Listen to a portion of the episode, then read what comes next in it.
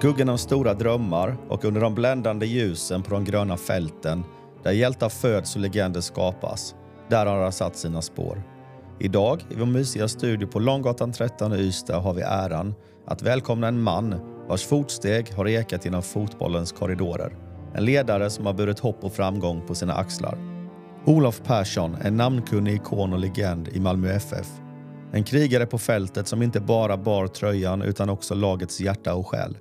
Med kaptensbindeln fastspänd runt armen ledde han sitt lag till oöverträffade höjder. Sedermera genom Europas prestigefulla arenor i Champions League från Glasgow och Celtic Park till Real Madrid och Santiago Bernabéu.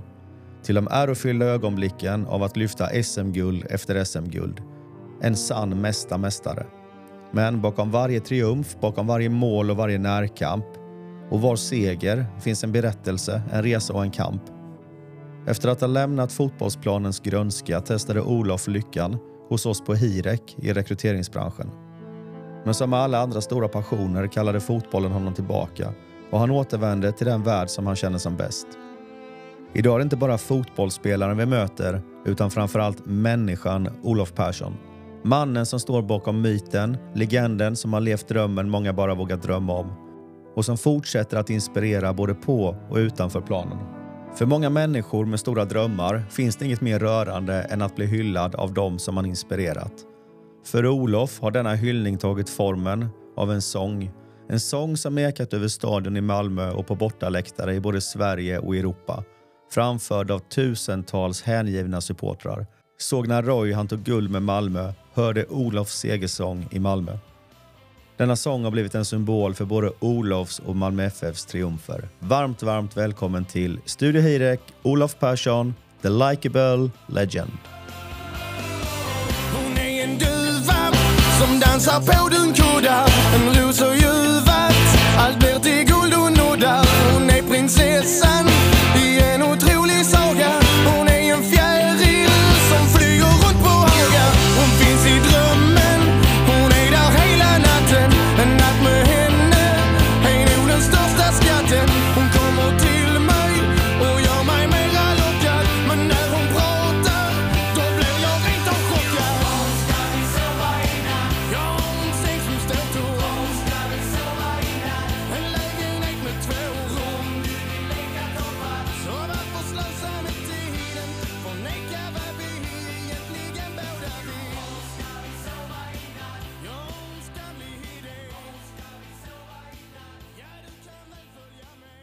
Olof, Gösta Anton Persson, du är tillbaka hos oss igen.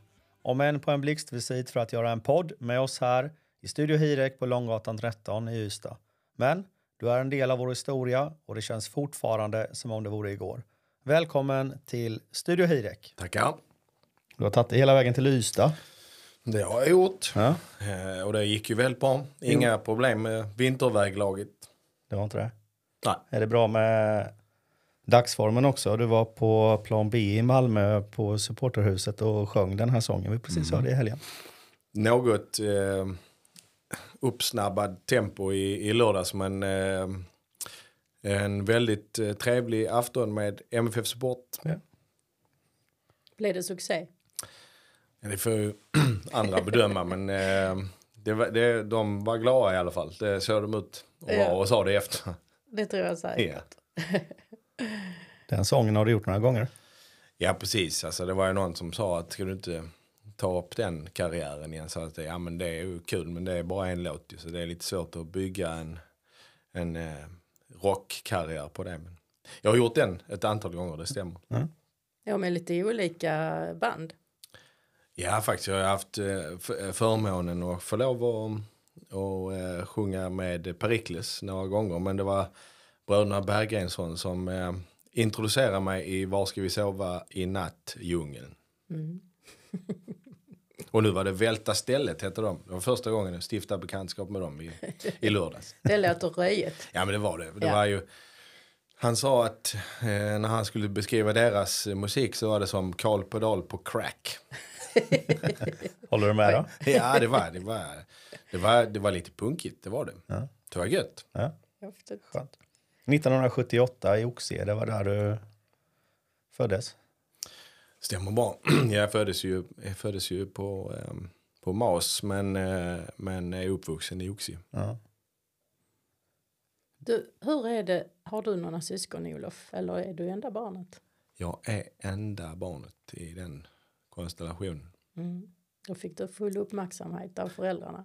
Ja, det har jag fått. Och det, är, eh, det reflekterar man kanske inte så jättemycket när man är i det. Eh, Men däremot sen nu när man själv har blivit förälder och har, är pappa till fyra. Så då förstår jag hur mycket, hur mycket fokus jag, jag själv fick. och man kan konstatera att det, den är eh, dels när man lever med, eh, med två eh, styckna barn som bara är där varannan vecka så, så eh, den verkligheten, det fokuset, det, det är svårt att ge. Det är jag såklart jäkligt tacksam för att, att jag fick. Även om jag någon gång frågade om inte vi kunde ha, om jag inte jag kunde få ha någon syskon liksom. Så, så fick jag inte det då. Men, men eh, det eh, växer mina kids upp med. Men, men jag förstår också fokuset som jag själv fick. Det får förunnat. Mm. Kan du inte berätta lite om dina föräldrar? Vad gjorde de? Båda två var ju i ehm, vad kan man säga, kan man säga tandläkarbranschen. Det skulle man kunna göra. Min pappa var tandläkare och min mor var tandsköterska under hela sin yrkeskarriär. Hon ute i Oxie och farsan då på Fosie tandpoliklinik på, på Lindängen. Mhm. Så, Nästan de, så de jobbar inte ihop? Nej, eh, de gjorde inte det. De träffades heller inte i den svängen utan det bara blir så. Du är också gaddad, är du inte det? Så du är också i tandläkarbranschen på ett sätt. Du har ingen tatuering på armen här. Ingen eh, oxie-tandläkare på armen men jag har däremot eh, några andra tatueringar. Ja. Eh, det har jag. Ja. Fotbollen har blivit en stor del av ditt liv. Och du började spela i Oxie. Började spela när jag var, ja, antingen så, jag, det året som jag fyllde sex var det i alla fall. Och började i Oxie IF som det hette då med, med farsan som tränare och eh, jag började faktiskt ett år tidigare än vad man skulle så jag spelade hela min, hela min Oxie-period. Bortsett från eh, seniorlaget spelade jag med de som var ett år äldre.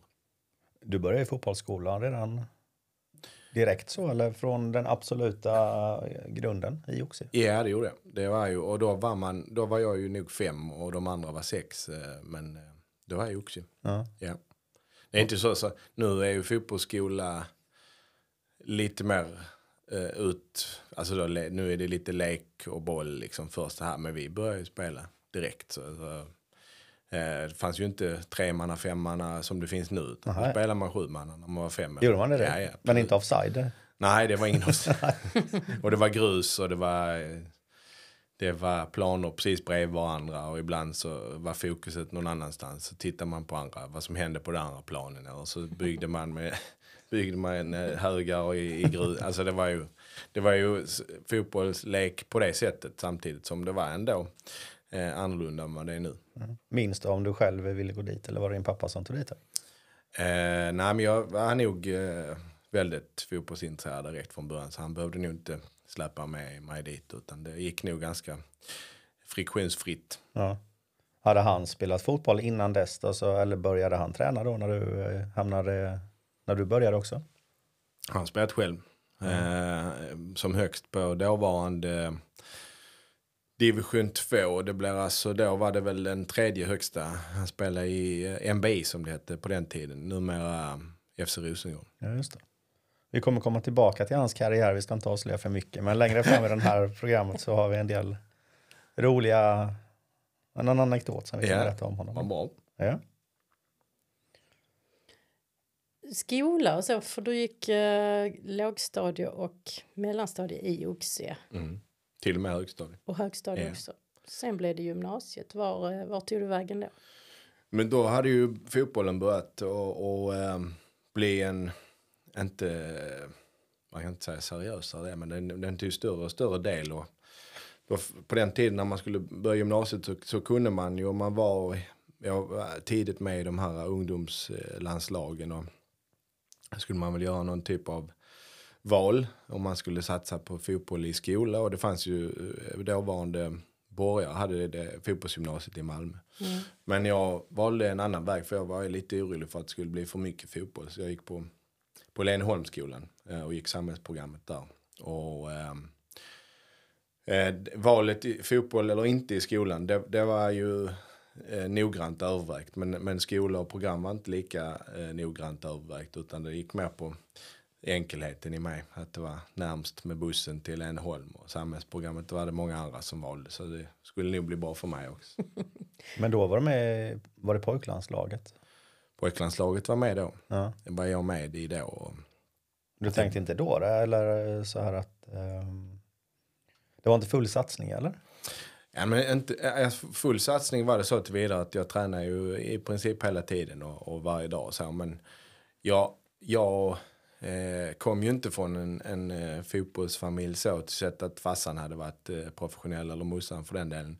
Eh, så vi pratade aldrig om, om, eh, om det är detta man ska satsa på fullt ut. Liksom det, det, det, det kan jag inte minnas att vi pratade om. Men, men visst, alltså drivet i sig hos en själv har väl alltid att, att är man duktig på någonting så, så, så vill man ju utforska hur duktig man kan bli. Liksom. Eh, och det var väl så med fotbollen att jag kände ju att jag, jag var ju uppenbarligen bra och var med i, i, i landslag och distriktslag och, och MFF då hade jag gått till. Så, så det är klart att, att det skulle ge det en, en skalle som man säger i Danmark. Men du var med när du spelade i Oxie, redan då var du uttagen i landslaget? Ja.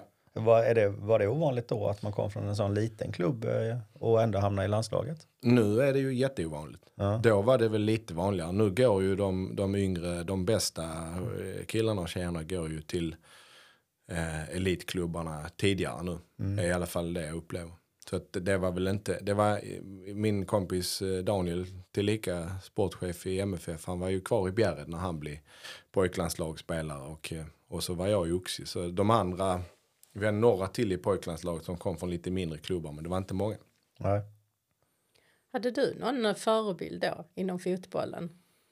Alltså, jag, inte, alltså jag, jag, jag hade börjat... Alltså man tittar ju på fotboll, men inte i den utsträckning som man gör nu. Eh, däremot så, så gillar jag Jonas Tern till exempel. Han tittar jag mycket på när han spelade i de olika klubbarna han var i och i landslaget. Och jag var ju på den tiden var jag mittfältare, så då, då skulle man väl säga att pröva att spela som han gör. Men liksom man gör ju det, man testar ju. Eh, om man ser någon man gillar så prövar man ju göra grejer som de gör. Så man tror att ja, men det tycker jag är bra. Då. Så, och då Jonas Tern var en sån spelare som jag försökte efterlikna. Var du kapten i ungdomslagen i Oxie och så också eller? Eh, det var jag ibland. Eh, vi hade ju ingen fast så utan det roterades runt lite grann. När man...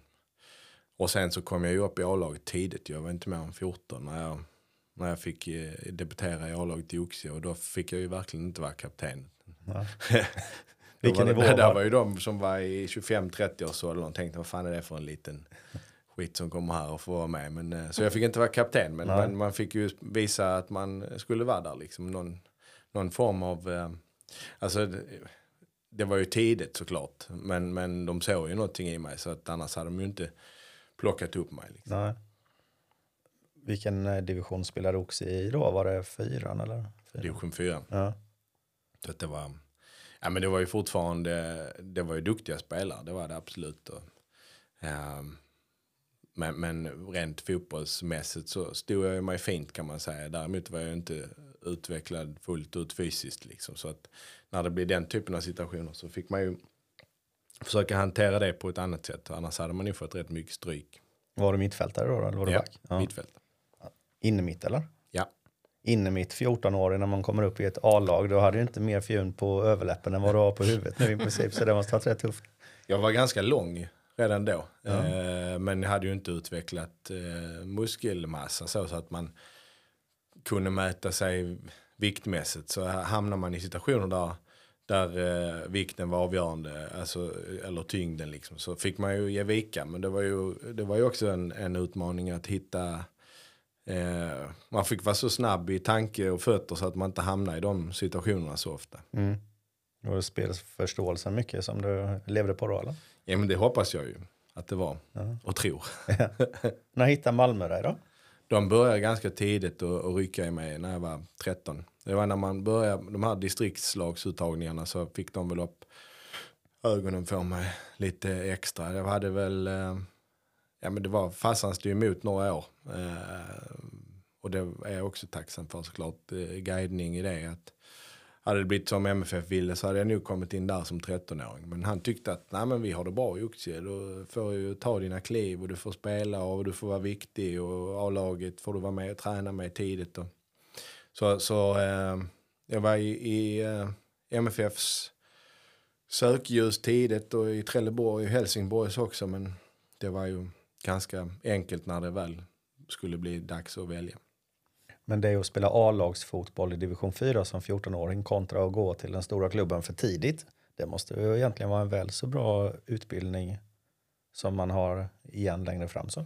Definitivt. Alltså det är ju det nu i min, i min roll eh, som jag har haft de senaste åren i, i LB07 då, då försöker man ju övertyga de här killarna och tjejerna att vänta lite till. Du behöver inte ha så bråttom och, och åka och flytta in i den miljön där man lätt blir eh, en i mängden och, och är man då inte tillräckligt bra så, så är de ganska krassa i sina beslut och då får man lämna igen och då, och då eh, har du inte fått någon kontinuitet i ditt, eh, i ditt fotbolls eller ja det kan ju vara vilken verksamhet som helst men just i detta fallet är det fotboll där man behöver trygghet och kontinuitet och, och, och eh, möjlighet att vara bra och vara mindre bra. Och få göra det över tid kommer ju göra att man blir mycket bättre. Men det missar man det. Ja.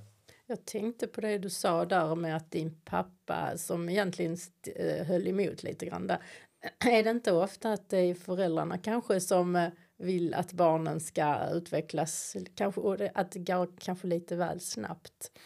Jo, det är ju den stora boven. Tyvärr. Alltså, och det är ju lätt för mig att sitta och säga så. Men det är klart att jag har ju fått uppleva det själv. Och sen så, sen så har man sett så många exempel på när det går dåligt. När, när föräldrar eh, som kanske inte har fått, eh, och för den är ju sällsynt den guidningen jag fick av mina föräldrar. Men av de som inte har fått det, då tror de ju att eh, nu har jag själv fått barn, nu måste det gå. Vi måste in till, till MFF snabbt. Vi måste till TFF eller, eller HF för den delen. Vi måste göra det fort för nu är han bra och han är mycket bättre eller hon är mycket bättre än de andra. Så att, och, då, och, då, och då blir man, då tar man ofta förhastade beslut.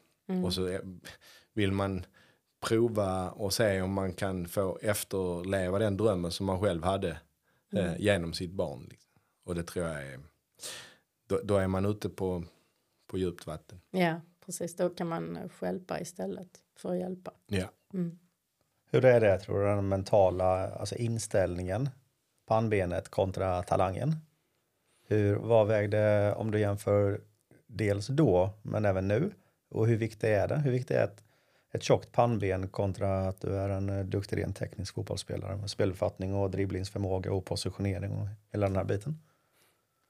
Mm, Ja men eh, givetvis är det ju bra om man har lite av varje. Men jag skulle säga skulle du, skulle du gå på någon eh, egenskap som väger tyngre eller som bör väga tyngre än den andra så, så skulle jag säga att pannben, pannbenet är, är det viktigaste. Eh, för du kommer alltid hamna i, i situationer där du behöver driva dig själv. Eh, du behöver liksom övervinna motgångar, tuffa tider. Eh, och och eh, där tror jag att, att eh, pannbenet, eh, din egen vilja och, och din egna driv kommer att vara helt avgörande.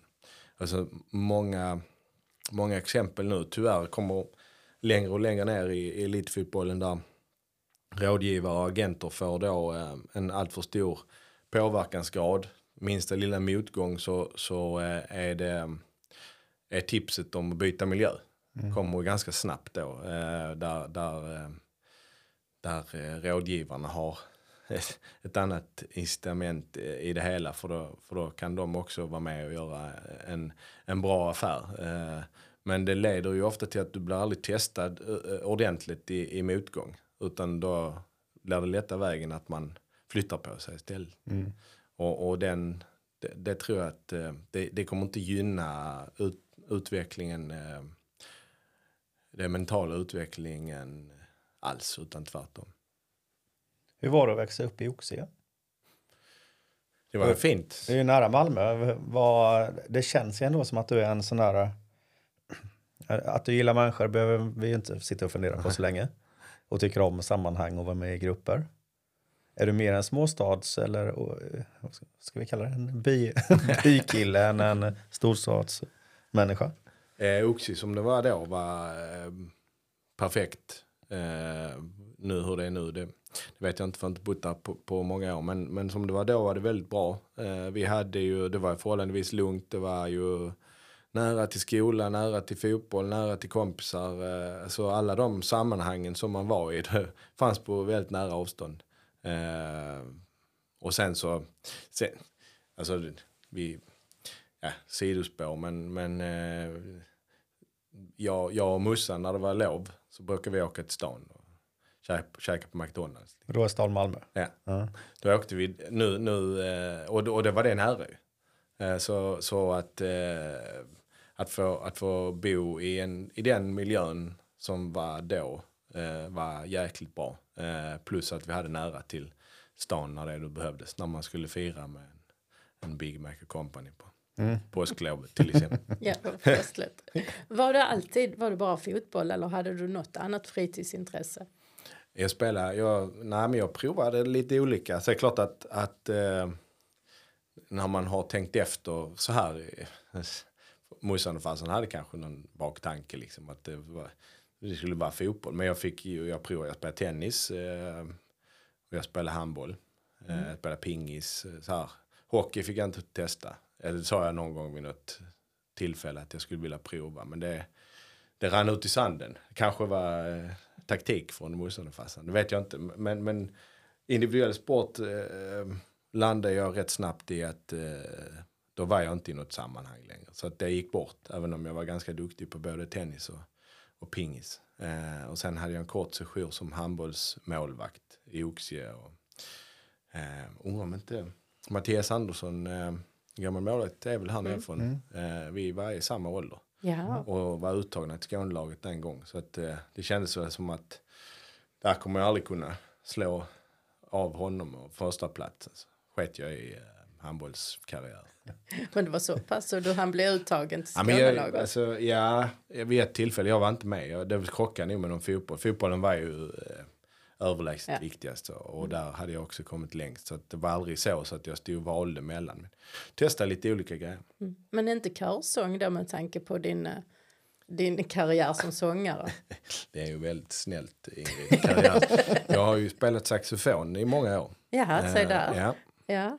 det tycker jag också är ett jäkligt fräckt instrument. Eh, när det är i ett sammanhang, alltså när det är i ett band. Alltså om jag tänker på E Street Band. Eh, när, när saxen får eh, vara med och eh, komma fram i, i lite rockiga låtar. Då är det, då, då, då är det ljuv musik i mina öron. Mm. Kan ha, kan ha, Spelar du fortfarande? Nej det gör jag inte för att eh, vid ett eh, blött eh, juldagsfirande på Slakthuset så glömde jag min saxofon där och den har aldrig kommit tillbaka sen och det är ganska många år sedan. kan vi göra en efterlysning? Vem, vem har Olof Perssons saxofon? Mina kompisar i, i eh, Bergensson-brorsorna bandet de, de har sagt att den är, de vet var den är men de- den har aldrig kommit tillbaka så jag är lite tveksam. Jag tror, jag, vet, jag tror det är Zlatan som tog den. Han snodde en cykel någon gång så undrar om inte han har snott din saxofon också. kanske sålt den också. Ja. Du, när hamnade du i Malmö? FF? Eh, på hösten 94. Mm. Då, eh, då, eh, och eh, ja, då, då var det dags liksom. Då, då så eh, hade de eh, varit på mig länge. Eh, och så började det väl ändå kännas att okej nu ska jag lyckas behålla min plats i, i de yngre landslagen. Och så, så måste jag nog till slut flytta till, till en elitklubb. Då var du 16 om jag räknar rätt. Precis, det var ju det året ja. Och skulle jag började på, på hösten började jag på, eh, på gymnasiet. Mm. Ja. Vad, kun, vad, vad får du, vad fick du då när du kommer in i, en, i storklubben? Nu är de ju ännu större och sådär än vad de var då. Men vad får man i form av eh, kunskap och vad får du? Alltså, Jag tror du skulle också. fråga om ersättning. Nej, nej, nej.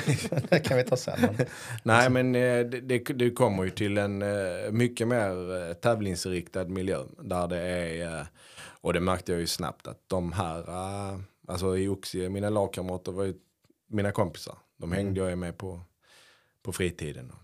kom till, till Malmö så var inte det mina kompisar längre. Eh, utan det var mina konkurrenter. Det var samtidigt mina lagkamrater men vi var, jag kom utifrån och det innebar ju att jag skulle ta någon annans plats. Så där var ju någon som markerade ganska tidigt att eh, fan gör du här? Du kommer inte här och tro att du är något bara för att du är inrekryterad från Oxie. Liksom. Det smäller inte så högt i allas öron. Så att- Kanske så- ännu tuffare att komma in då om man är från Oxie så att komma in eller? Jag vet inte just Oxie, men däremot så var jag ju lite hypad. Alltså, jag hade ju varit på gång till Malmö ett par år. Så att visst hade de eh, hört talas om mig. De som, men de ville ju inte bara komma och släppa sin plats. Liksom. Så att det var ett litet ställningskrig och det var ju, det var ju en, eh, en, en ny situation för mig. Eh, men, men det är lite så, ska man, den delen måste man också klara i, i konkurrenssituationen om du ska, om du ska lyckas på, på elitnivå oavsett om det är fotboll eller simning eller pingis liksom. Så, så ska du ju vara bättre än någon annan eh, och förtjäna din plats lite grann. Så det fick jag också. Eh, det, kom ju inte, det var inte bara positivt eh, och, och komma, ställas inför de situationerna men, men eh, det, det härdar ju. Jag, jag eh, blir ju upp, 95 blev jag uppflyttad direkt i A-laget i MFF. Eh, som förstaårsjunior. Det hette, man hade ju junior när man var 17 och 18 på den tiden. Nu är det lite annorlunda. Men då blev jag uppflyttad direkt i, i A-laget. Var det avla- fick du A-lagskontrakt då eller? 95? Nej, hade ett lärlingskontrakt. Ja. Man fick, man fick eh, lite pengar och sen har du, sen den dagen jag kom dit där så, så har du alla, allt material får man ju. Så att, eh, och det är ju nog så stor utgift nu för tiden med fotbollsgrejer. Kostar ju som tusan. Men, men jag blev uppflyttad och, och, ehm, och det visade sig vara ett jäkla tokigt beslut ju. Eh, inte för att jag var dålig, men vi var väldigt många. Eh, och och i, i konkurrensen så hade jag svårt att hävda mig där med A-lagsspelare som 17-åring. Så att jag blev ju ofta i periferin på träningar och så vidare. Så, Då lånar man inte ut lika mycket som man gör idag eller? nej. Så kunde jag ju spela, jag var 17 så jag kunde ju spela i juniorlaget liksom, när det var match och så. Så jag fick ju matchning där men träningsvardagen blir inte bra och man blir inte prioriterad och man blir liksom eh, ja, men en ny situation som man skulle tackla som, som, eh, som 17-åring in i, i tuffa MFF. Liksom. Att, eh, 1995 var in, inget eh, eh, bra år för mig fotbollsmässigt. Mitt första, år i, mitt första, mitt första riktiga år i MFF var rätt dåligt. Du var till och med avbytare på, alltså på träningarna mellan varven. Mm. Och när man spelade 11 mot 11 och jobba mot match liksom som man gör på, på seniornivå i, i större utsträckning så var det någon som fick stå bredvid. Det var ofta jag, tyvärr. Hur känns det?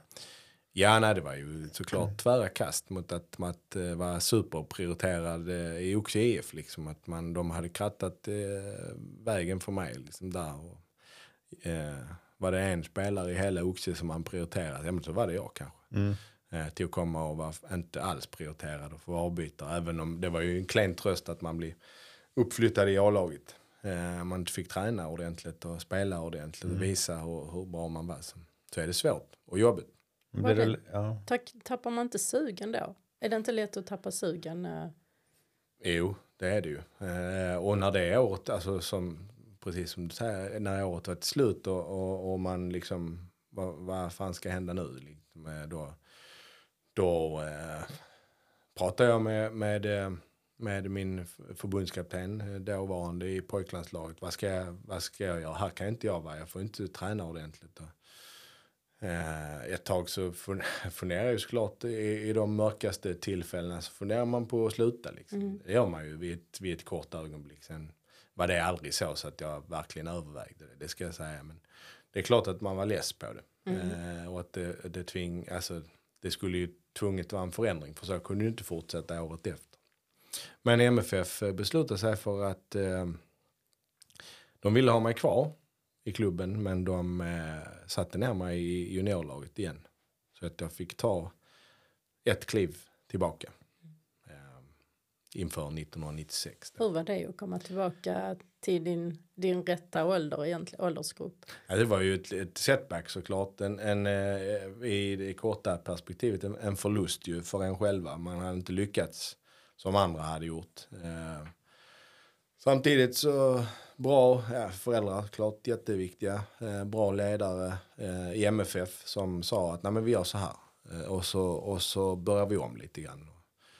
Du, du, då blir jag lagkapten i, i, i, 18, alltså i juniorlaget. Och, eh, vi tror på dig, du ska göra det här och så, så, så kommer det bli bra. Så, och, och de övertygade mig eh, så att vi körde på. 1996, så det blir ett bra år. Kan det någonstans i hela den, kan det vara en del av upplägget liksom att sätta en ny kille från Oxie och just för att härda? Jag tänker mig att inom någon machosport som hockeyn, käppakrig, så är det lite mer vanligt. Tror du att det kunde finnas en sån baktanke också? Nej, jag tror inte det där. Jag tror mm. bara att, eh, och det är lite grann eh, MFF har en särställning ju, definitivt här nere men eh, egentligen i, Sverige också att man kan man kan kosta på sig att eh, bomma någon gång med rekryteringar. Det, det kommer alltid nya eh, chanser. Det är alltid, och då kanske man inte tar sånt eh, hänsyn till personen om man tar skada om man misslyckas. Eh, så. Och det är väl egentligen i elit, eh, elitidrotten eh, såväl i idrott som, som är, även i näringslivet så, så blir det ju alltid folk som någon gång blir besvikna och, och inte får den utvecklingen man, man hade hoppats på. Men så är det ju ibland. Mm. I detta fallet tror jag inte det var en del av eh, eh, heter det, strukturen eller Nej, taktiken. Tror jag inte. Vem var, kom du ihåg som var lagkapten i A-laget då när du var uppe eh, första gången? Det var ju eh, Niklas Nylén Eh, och sen så Johnny Fedel som, som de var väl ett par stycken som delade på lagkaptensjobbet. Ja. Så det var, några, det var en del starka personligheter. Som, men Johnny har ju blivit en väldigt god vän eh, sen. Även om han kan ha varit eh, väldigt tuff mot mig eh, under 1995. Så har vi mm. pratat om det flera gånger sen. Men hur funkar det då? För det är en eh, konkurrensinriktad miljö såklart. Samtidigt är man ju fortfarande samma lag och det var 17. Var det någon som tog i hand förutom tränarna? På spelarna, de äldre sådär, som kom och tog hand om dig när du stod där? Utanför? Nej, mm, det var det inte. Nej. Det var det inte då. Utan, eh, jag tror, där, dels har det säkert utvecklat sig lite, eh, får jag hoppas, under de här åren. Men jag kom aldrig riktigt in i värmen då. Eh, av olika anledningar. Men, men jag tror ju att du att du måste in lite i värmen, få lite speltid, få chansen att visa upp dig ännu mer för att de ska liksom omfamna dig och, och, och bana väg för dig lite grann. Eh, och sen givetvis så, så, måste man ju bjuda på sig själv också. Det, jag kommer inte exakt ihåg hur jag, hur, hur och om jag eh, bjöd på mig själv eh, det året. Det, det, vet jag inte, men jag, jag, jag, fick aldrig riktigt chansen i alla fall. Nej. Men året efter det. Ja. Då fick du chansen igen. Eller du spelade ett år i juniorerna eller och sen ja. fick du chansen igen? Ja, men 96 var ett bra år i juniorlaget. Då, då, då var vi bra och vi hade ett, eh, ett starkt eh, juniorlag. Jag fick ju en plats högt upp i hierarkin, eller jag tog. Eh, så, eh, och eh, det var ju, eh, vi gick till SM-final, vi förlorade tyvärr men vi, vi hade ett bra år. Jag spelade en del med, med reservlaget också. Så. Så 97, året efter då, då, då eh, skulle jag ta studenten och då, då blev jag uppflyttad i, i A-truppen igen. På ett seniorkontrakt. Så fulltidskontrakt när jag tog studenten 97. Det är ändå rätt tidigt om man jämför med dagens ungdomar och juniorer när de blir uppflyttade. Jag tänker lite grann på Hugo, han tog vid studenterna. Han hade ett unikum kanske, men han... Eh, när var det han åkte lastbilsflak? Var det i våras? Ja. Mm. Och det är motsvarande egentligen ja. åldersmässigt. Ja. Mm. Och han, alltså det, den...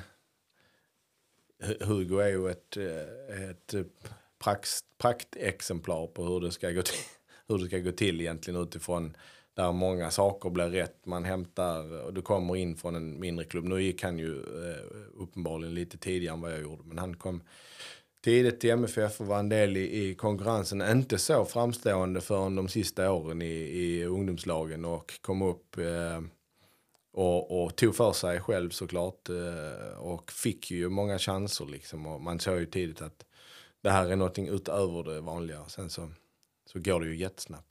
Till, till, han slutade skolan i, i somras väl vill jag minnas och sen så blev han såld eh, när säsongen var slut. Ja. Eller nej, han gick ju på sommaren. Jag gick på sommaren. Ja. Eller? Han gick i somras. riktigt. Ja. Men ja, för fina pengar Ja. för Malmö. Mm. Och för Svarte. Ja. ja, precis. Ja. Det är den här luften vi andas här nere Ja. som man Ja. hade en liten, liten del av. Ja. Men sen hamnade du tillbaka i A-laget då, och då, eh, hur var det första året? Var du mer förberedd och, och så, här, så du kom in i det på ett bättre sätt? Och det var jag. Och då kom jag ju med egentligen med en, en jättebra säsong i ryggen i, i ungdomslaget och, och, och hade väl en större, var mycket mer förberedd på, på A-lagsmentaliteten och miljön. Liksom. Så att då, då kom jag in med en helt annan grund och sen gick det bra. Jag debuterade i Allsvenskan i, i maj 97. Eh, och sen dess har jag väl egentligen, alltså, så, sen dess ska jag inte säga, men så länge som jag var aktiv så så var jag väl mer eller mindre ordinarie i de klubbarna som jag har spelat i. Vilka deb- debuterade du mot? Kommer du ihåg det? Örgryte hemma, 3-0. 3-0. Ganska kul för att jag var inte uttagen, då fick man inte ha så många i truppen. Vi var 15 i truppen Jaha. och jag var inte med bland de 15 på lördags, efter lördagsträningen. Men, eh, men eh, eh, Jörgen Olsson som var mittback, man hade inga mittbacksreserver reserver på bänken för man fick välja liksom hur man skulle sätta upp. Han blev sjuk över natten och de ringde mig på söndag morgon. Då hade jag varit ute på lördagskvällen för att jag skulle inte vara med i matchtruppen. Nej. Men det fick jag mörka såklart när de ringde. Så, Klart jag är redo, kommer. Då spelar vi. Vann vi med 3-0. Och då var du mittback eller? Jag var mittback. Ja. Ja. Vem kamperade ihop med då? Christian Karlsson Ja. eh, som eh, är väl en Vellinge-kille från början som spelade i TFF och sen var han i MFF och, och Göteborg och i Tyskland och Danmark. Men sen åkte ni ur. Kanske inte just då, men eh, du har varit med egentligen om eh, både åka ur och gå tillbaka Ja. och vinna. Det är väl lite som, eh, som min, eh, när jag kom till MFF ju. Rakt upp i eh, himmelrik och sen ner i juniorlaget. Det var ju i eh, 97 och, och, eh, hade vi ju en bra, ett bra år, mitt första år. Vi var uppe och slogs, ja, vi blev väl trea till slut eller tvåa. Eh, och och eh, med MFF-mått mätt, liksom, blir man trea eller tvåa det ena året så ska man ju helt vinna året efter. Det är ju Mm. naturligt. Liksom. Det gjorde vi inte utan då, då hade vi eh, holländsk tränare och vi, eh, det gick knackigt. Vi, de fotade honom på sommaren och så kom, fick vi Roland och Thomas som kom in och, och räddade kvar oss 98 men 99 så gick det inte längre. Då Nej. trillade vi ur. Eh, det var verkligen ner i källaren såklart. Det var jättetufft att vara eh, Malmö-kille. Eh, born and raised i Oxie och mycket, mycket starka band och kopplingar till, till MFF och såklart till, till eh, externt med supportrar och anhängare som, som man nästan skämdes för att titta i ögonen då efter. Det var, en jobbig tid, absolut. Ni gjorde ett år i Superettan, kom tillbaka snabbt. Precis, vi var nere och vände och det är ju, det är nu, ja men det är ju eh, svårt. Eh, ser man många som misslyckas med och du ska nästan studsa upp direkt igen för att inte den sessionen ska bli alltför långvarig och, och sätta betydande spår i, i klubb, i ekonomi och trovärdighet och så vidare. Det var bra, vi, vi fick göra en nystart. Hasse Borg kom in som sportchef, eh, nätverket, det stora eh, eh, vad heter det? Alltså näringslivsnätverket kring Malmö FF bildades då. Eh, och det tog ju sats och det, vi fick ju ett jättestöd. Eh, det var precis som ja, spelare och ledare bestämde sig men även eh, företagsvärlden runt omkring att nu jäklar ska vi se till att ha Malmö FF med i toppen över tid istället. Då. Känns ju som att det har levt kvar och är en betydande del eh, eh, i Malmö FF idag.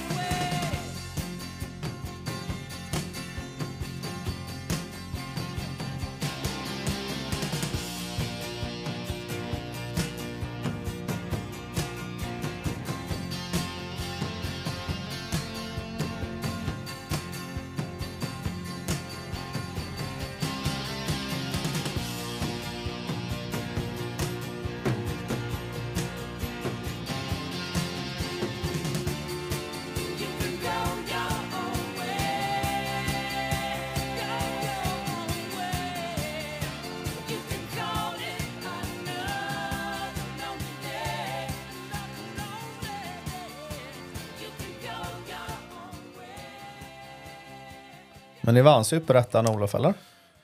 Nej, gjorde vi inte. Djurgården vann. Eh, ettan och tvåan gick upp. Okej. Eh, så att Djurgården vann faktiskt. Vi kom tvåa, men det var rätt långt ner till de som kom tre. Ja, de får väl räkna det som någon form av mästerskapstitel Absolut. och vinna superettan. Så. Ja, det får de gärna göra. Ja, Det viktigaste var att ta sig upp igen och det lyckades vi med. precis. Då hamnar Zlatan i laget med va? Zlatan han hamnade ju, kom ju in på hösten eh, när vi trillade ur eh, redan och, och gjorde någon, eh, några inhopp och några framträdanden. Och sen så hela superettan-året var han med ju. Var han duktig tycker du? Väldigt.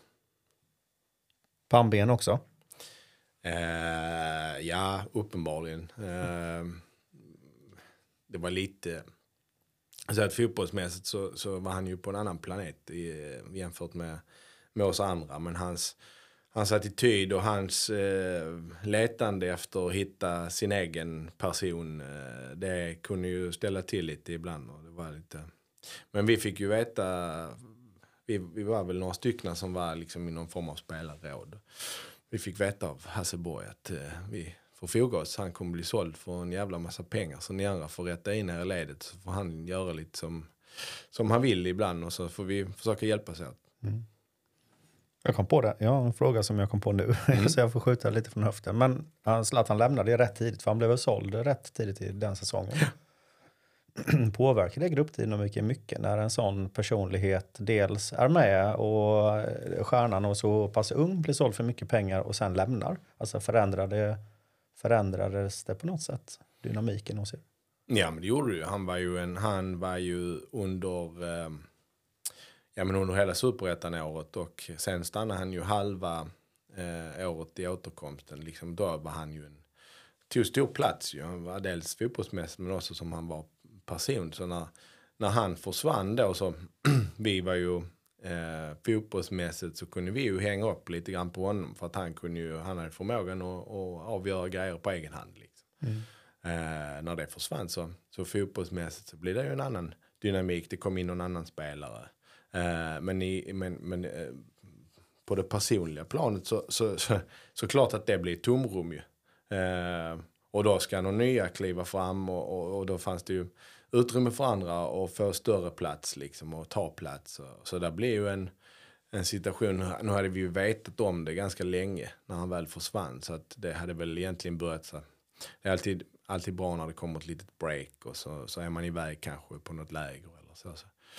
Naturliga mekanismer och folk som kliver fram lite grann. Men visst var det en förändring, det var det. Du gjorde knappt ett år, du flyttade utomlands. Du blev som man säger proffs. Ja, precis. Så, vi var ju, man var ju proffs. Så, så, så att säger att man inte gjorde något annat än spela fotboll. Men, men jag blev ju utlandsproffs eh, i skarven mellan 2001 och 2002. Då åkte jag till, eh, till Innsbruck eh, och spelade för FC Tirol, eh, MFF. Där hade, jag, då hade jag min agent eh, Roger Ljung, han stod på sig lite grann och menade på att eh, du ska ha ett bättre kontrakt än detta här som erbjöd, Malmö FF erbjöd. Eh, så vi utmanade dem lite grann och så, och så blev det att vi gick skilda vägar. Eh, så jag, jag eh, skrev på för FC Tirol som jag inte kände till så mycket innan men det dök upp i flödet. Det var så här att FC Basel i Schweiz skulle, skulle ha en mittback från FC Tirol. Eh, om det var en kamp mot klockan. Transferfönstret stängde ju den sista, den sista eh, januari eh, klockan 12 på kvällen. Eh, och den affären var på väg att gå i hamn. Eh, och sen så satt vi i Lund från, på Grand, eh, jag och min agent, Att, från sex på kvällen och vänta. Skulle den affären med, med, med schweizaren gå i, i land så, så eh, skulle jag hamna i eh, Tirol. Om den inte skulle gå i land så skulle jag hamna i Basel.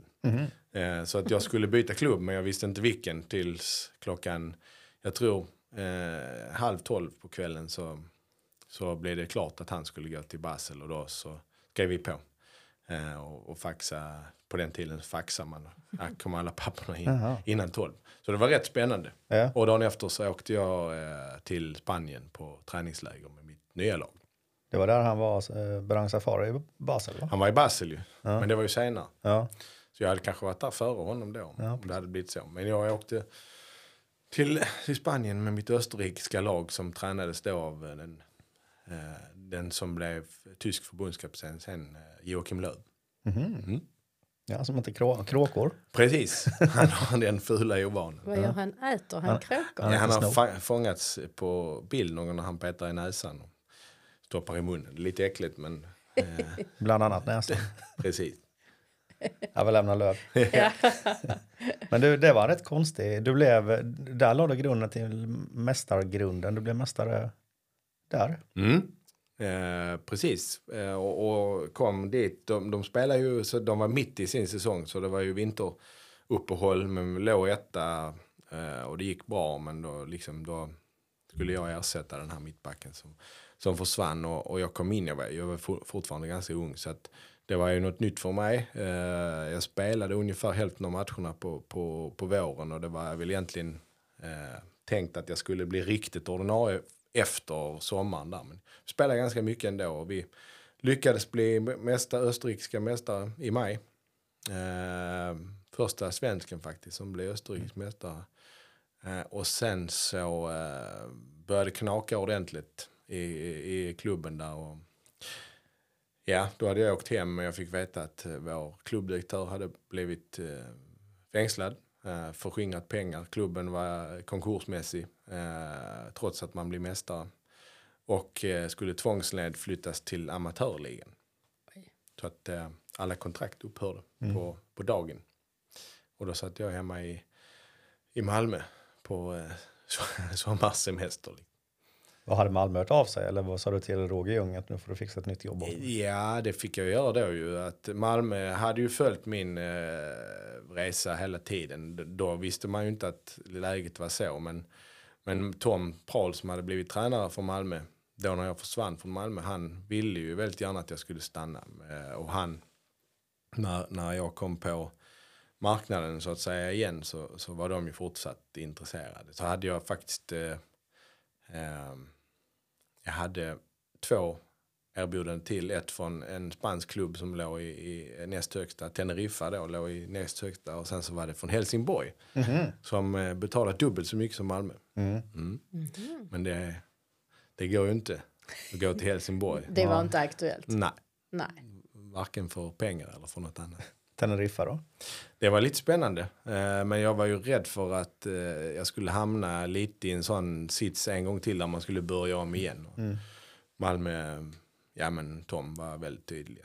Vi vill ha det här liksom. Så. Då var det, blir det bra. Ja. Du hamnade tillbaka i Malmö då igen. Du var 22, 23, 24 någonting när det Ja, gick ut. sånt. sen- Detta var ju 20, detta var ju 2002 så jag blev väl 24 det år. Ja. Sen vann ni guld 04. Ja. Du, eh, den Olof som är på planen, jag tänker som person. Är det samma person som Olof vid sidan av planen? Det känns ändå som att eh, det skulle kunna vara det på ett sätt. Mm. Ja men det är det ju. Eh, ja, i vissa, i vissa perspektiv. Det är ju, jag eh, har alltid tagit stort ansvar när jag spelar eh, på planen. Eh, dels i försöka eh, se till så att eh, ja, man själv gör rätt för sig. Man följer direktiven och ser till så att att kompisarna gör det också. Att vi, vi följer de eh, kollektiva eh, eh, målen som vi har med, med match och med, med eh, tävling. Eh, sen är det väl, alltså, ja, jag, det kan, det kan vara lite motsägelsefullt men jag, jag, eh, jag ger mig inte när det är match så, så, eh, så är jag rätt så envis eh, och ger mig inte. Utan då, då ska man se till att göra allt man kan och har för att det ska bli så jäkla bra som möjligt. Så att på så sätt så, så det som jag försöker förmedla till, till, till ungarna och till de spelarna man har varit tränare för så är det väl de egenskaperna som jag tycker och värderar högt i, i det kollektiva perspektivet. Men du har aldrig fått en avstängning, avstängning som mittback. Du har aldrig, fått, du har aldrig blivit utvisad va? Eh, nej, inte, så, inte på seniornivå har jag inte blivit utvisad. Det har jag blivit när jag var ung. Men det var en, ett, ett missförstånd kan vi säga. Så det behöver vi inte diskutera. Däremot så, så jag har varit avstängd någon gång. Men det var allt för få gånger tyckte Tom Prahl. Han sa att du behöver bli mycket tuffare och mycket fulare i ditt spel så, så är du landslagsmässig. Mm. Och det, eh, det kanske ligger någonting i det. Men det är ju rätt svårt att vara ful om man är rätt positionerad också. Eller ful, men alltså står du rätt och speluppfattning så kanske du drar på dig lite färre gula kort. än Ja, det är väl, jag vet inte, det kan, det kan ju varit, eh, jag har faktiskt aldrig frågat honom vad han menar med det, det kanske ska göra om man träffar på honom. Men han, jag tror ju att han, han ville nog kanske att jag skulle eh, ta för mig ännu mer och vässa armbågarna ännu mer liksom i, i, i konkurrensstation och inte låta, jag blir ju nästan alltid där jag har spelat har jag ju varit lite eh, så här, hjälpgumma, syns inte mest men ser till att städa undan efter andra. Eh, så, och då får man ju inte, ja du får inte eh, strålkastarljuset på, på samma sätt. Och, Men om det, var, om det fanns någonting av det inbyggt i, i det han eh, sa så, så kanske jag kan ge honom en poäng. Man, man ska inte upp, upp, alltså man ska inte uppmana till fult spel egentligen, det är bara dumt. Mm. Vad var din drivkraft, eh, Olof, i fotbollen? Vad var det som gjorde att du tyckte det var så roligt? Ja, att vara, att dels som, som Johan sa innan, att vara i ett sammanhang och kunna göra någonting bra tillsammans. Det har ju varit, eh, det är och har varit en jättedrivkraft för mig och, och liksom göra min del, göra min roll eh, så pass bra och, och, eh, och, få, och, och få liksom vara med och driva någonting framåt tillsammans med andra. Det, det har varit jätteviktigt för mig och är fortfarande. Och, och de belöningarna där man når eh, kollektiv framgång, man liksom har gjo- gjort ett, under ett år eller en, en längre period ett jäkla jobb tillsammans och man står där som, som segrare sen. Det är, ju, det, det är svårt att mäta med någonting annat, det måste jag säga. Så jag har aldrig, alltså jag, jag har inte, jag har inte som i, om man ska säga idag så tror jag att det är mycket mer individuellt uppstyrt och karriärerna är man mycket mer mån om på ett individuellt plan än vad man var då skulle jag tro. I alla fall eh, hur jag var eh, och är. Men det, var, det var det du uppskattade, liksom, just den här kollektiva... Ja men jag tycker det är så jäkla kul när man, när man, när man får jobba eh, lång tid tillsammans eh, och man då når gemensamma mål som alla har fått lov att vara med och, och, och, och påverka och sätta på något sätt. Det är, ja men det, den känslan är grym alltså. Det är då man går upp och ställer sig och sjunger på Stortorget. Ja. Då, då, segerkänsla. får, då får man ju kosta på sig det. Men, men eh, menar då, när man gjorde det så, så hade vi ju lyckats med vårt fotbollsmål. Så hade jag, hade jag chokat där så hade jag fått leva med det liksom. Ja. Och det hade jag nog kunnat ta. Hur är det att vinna SM-guld sådär med laget som man, eh, nu kom du ju sent till MFF, men du är ändå en Malmö-påg. Alltså 2004 var ju eh, väldigt speciellt eh, och efterlängtat. Eh, det märkte man ju på, på, på många plan. Eh, och det skulle jag, den, den känslan, det som vi stod med därefter, det har ju påverkat många. Eh, och det var ju, nej men det, det går inte riktigt att beskriva. Det, det gör det inte. Det, jag eh, såg någon klipp från någon intervju precis efter matchen. Eh, där jag själv eh, hade rätt svårt att hålla ihop det liksom. Och det man, även om man är eh, emotionell och, och lätt till känslor så, så kan man förstå, när man ser den intervjun så förstår man att eh, det betyder mycket för mig och betyder såklart och, och mycket för andra också. Mm. Skönare att vinna med MFF än med FC Tirol. Ja, det var... Det, det kändes ju... Jag var, det, visst var jag en bricka i spelet där, liksom, men jag hade ju inte den betydelsen. Och jag hade aldrig heller hunnit, hunnit eh, få någon förankring i, i klubben på det sättet heller. Mer som en afterski kanske. Typ. Sen hamnar du i Århus. För att. Precis, jag var ju i MFF några år till eh, och vi hade... Ja, Tom, Tom var ju med, och sen fick vi Sören Åkerby som tränare inför, jag tror det var 2006. Eh, och eh, heter det, så då, då förändrades hi- hierarkin lite grann i gruppen. Eh, min plats var inte lika självklar längre där uppe. Han ville satsa på andra typer av spelare som mittbackar liksom, som skulle spela ett annat spel. jag hade svårt att, och, eh, jag var mer säkerhets, eh, behövde lite mer säkerhetstänk när jag spelade mittback. Jag ville inte chansa så mycket som han ville att man skulle göra. Och då, och då, då prioriterade han andra spelare. Eh, och eh, samtidigt då så dök det upp en möjlighet från, från Århus, min gamla lagkamrat Brian Sten Nilsen var sportchef. Likadan sitt som Malmö hade varit eh, 2000, man hade trillat ner i andra ligan, man ville snabbt upp igen, man värvade någon spelare som, som skulle hierarkiskt gå in och göra skillnad. Eh, och jag skulle vara en av dem, få en, en lagkaptensroll liksom. Och det lät spännande eh, och jag kunde relatera till det och så, så att eh, flyttlasset gick till, till Århus då. Och då, ni gick upp i, till högsta, motsvarande högsta. Ja.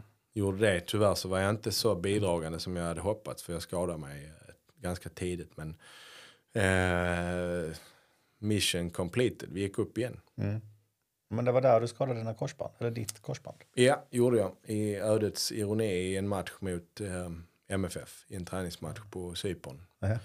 Eh, så så eh, skadade jag mig. Eh, först så trodde de inte det var så allvarligt och vi kom hem från lägret och han var helt förkrossad tränaren för de hade byggt mycket kring mig där bak i de bakre leden liksom. Men ändå en förhoppning och jag började träna igen och sen så, så small det ordentligt på en träning två dagar innan premiären. Eh, och svår. Sv- eh, Korsbandsskador i sig är ju rätt lätta att rekonstruera nu men det var en broskskada som var stor som eh, inte är lika lätt att fixa till. Så att eh, det var ju början till slutet tyvärr. Då la du ner spelarkarriären. Ja, Men jag höll på under ett, lite mer än ett år och försökte bli bra i knät i Danmark. Liksom, men det blev aldrig. Jag hade, den, var, den var för stor den bröstskadan så det är ju som att köra bilen utan stötdämpare. Till slut så, så har man slitit ner alla ledytor och då, och då eh, går det ju liksom inte att varken springa eller gå. Eh, tyvärr. Men, eh, men, men jag brukar tänka att eh, det var ju tur att det inte hände när jag var 19. Då hade jag inte fått uppleva någonting på planen. Liksom. Så jag fick ändå vara med om ganska mycket. Ja. Hur gick dina tankar då, Olof, när eh, karriären som spelare till slut? Nej men det var ju, alltså, eh, f- först var det ju skitjobbigt.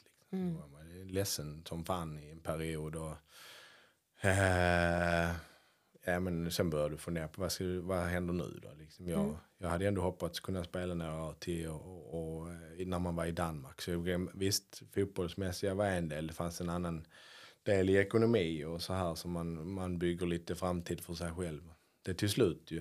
Eh, så, så, så många tankar. Jag hade precis blivit pappa eh, för första gången. Liksom, och, jaha, fan ska vi nu hitta på det? Så, att, men, men när man hade varit, grävt ner sig och så, så, så är det ju inte så mycket att välja på. Utan det är att försöka och staka ut en väg. Var och träffade någon eh, studie och yrkesvägledare då i, i Malmö. Vi flyttade hem igen ju. Eh, vad händer nu? Vad ska, vilken väg ska jag gå? Och så vidare. Så jag ville bli fotbollstränare direkt.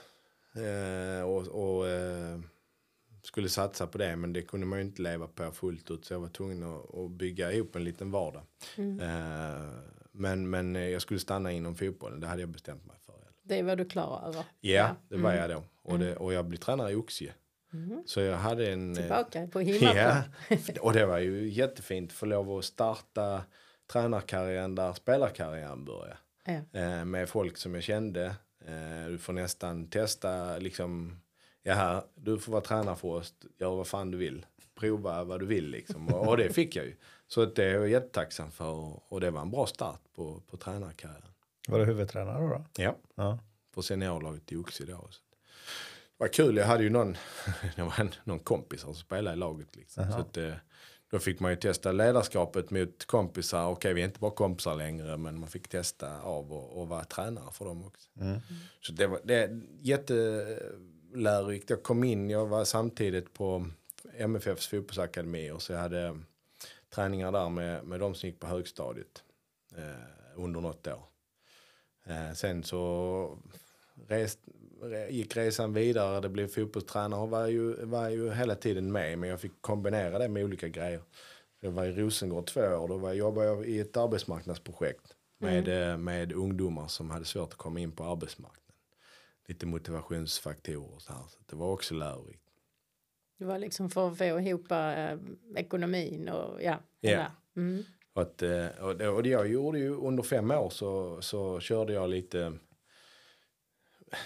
eh, hop, ett hopplock med, med jobb för att få det till att gå runt och samtidigt få lov att praktisera fotbollstränargrejen liksom, och testen. Så, så eh, 2013 var mitt sista år som semiprofessionell. Och sen så, då var jag i Höllviken eh, och vi vann dåvarande division 3. Och sen så var jag tillbaka till, till rötterna och till MFF. Men undrar sidospåren har alltid handlat om hur det har varit med människor att göra. Du är rätt människoorienterad gubbe. Ja, det tror jag. Eh, och det känner jag. Det, och det är lite när vi hade våra första samtal. Eh, tror jag att, jag att det dök upp. Eh, ja, det, men det är lite så lag. Eh, vad behöver man för att ett lag ska funka? Ja, men det är ett par stycken, tjejer eller killar. Du behöver olika personligheter. Man behöver sätta ihop något. Alltså det är, ju- jag har alltid tyckt att det är så jäkla intressant. Eh, inte bara kunna simma, eh, kasta handboll eller spela fotboll utan att det är andra grejer som gör att det funkar eh, tillsammans. Mm. Det är spännande. Ja. Men då hamnar, och då hamnar du tillbaka till MFF igen som assisterande.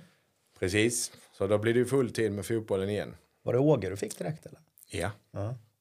vi var ett helt nytt gäng då eh, som eh, skulle köra ihop. Alltså var jag, Åge och en som heter Ben som kom från England och sen var det ny sportchef i Daniel. Så vi, var, vi var många som var nya på posten där. Men, eh, ja, det, det gick bra ändå.